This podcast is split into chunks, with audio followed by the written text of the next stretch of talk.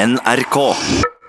De som har greia på det, mener at hver fjerde til femte person er innom en angstlidelse i løpet av livet. Og hver tiende person blant oss har angst så å si hele tida.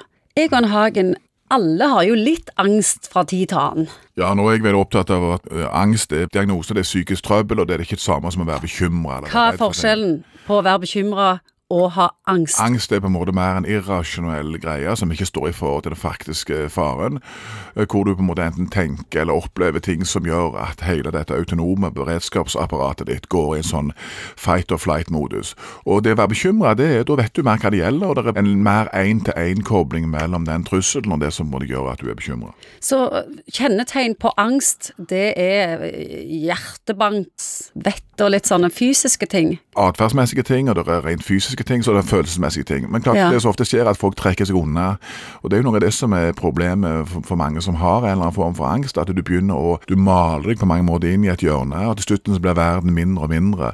Det er denne endringen av atferd og, og innsnevringen egentlig av virkefeltet ditt, som, som for mange òg er et av kardinalsymptomene på angst, i tillegg til disse fysiologiske forandringene, og selvfølgelig følelsen av å være redd og forvirra og, og alt dette. Litt avhengig av type angst du har.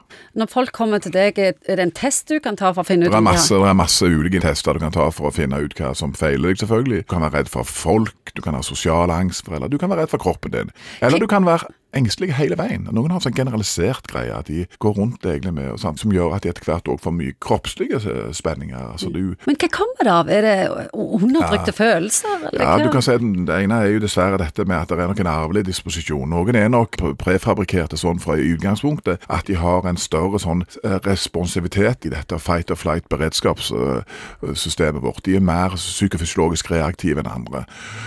Og så er det selvfølgelig at livshendelser, vanskelige ting som du ikke har håndtert, eller ting du har blitt utsatt for, kan selvfølgelig påvirke deg. Og så er det noen kan også oppleve at folk kan få eksempel panikkangst knyttet til situasjoner hvor de har stressa lenge, altså det har vært- du har tatt eksamen lenge, du har stått i en enorm belastning over lang tid, så kan du plutselig oppdage at du får fysiologiske reaksjoner som hvor kom det fra? Mange ganger er det sånn at folk som har angst, har tatt seg sammen grævlig lenge. Og Angsten blir på en måte den sikringen som da ryker, og som da er utgangspunkt for ja, hva, hva, hva, hva handler dette om, altså, for å snakke, stille et psykologspørsmål. Ja. Hva, hva, hvorfor? Hvordan skal man forstå det som har skjedd med deg? Og da kan det noen ganger være et uttrykk rett og slett for en belastning som har stått på over svært lang tid. Eh, Er det sånn at får flere og flere angst, eller er det bare det at vi vet hva det er nå?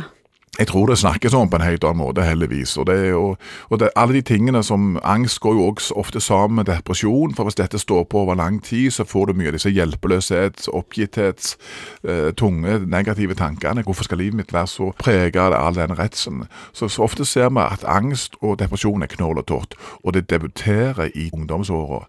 Når vi er på gamle, så får vi livsstilsrelaterte sykdommer, mens disse psykiske tingene det er noe som debuterer ofte i, i tidlige ungdomsår. Har du en kvikk eh, fiks for dette? Altså, det er 60 dagers ventetid på en psykolog, og psykologer er skamdyre.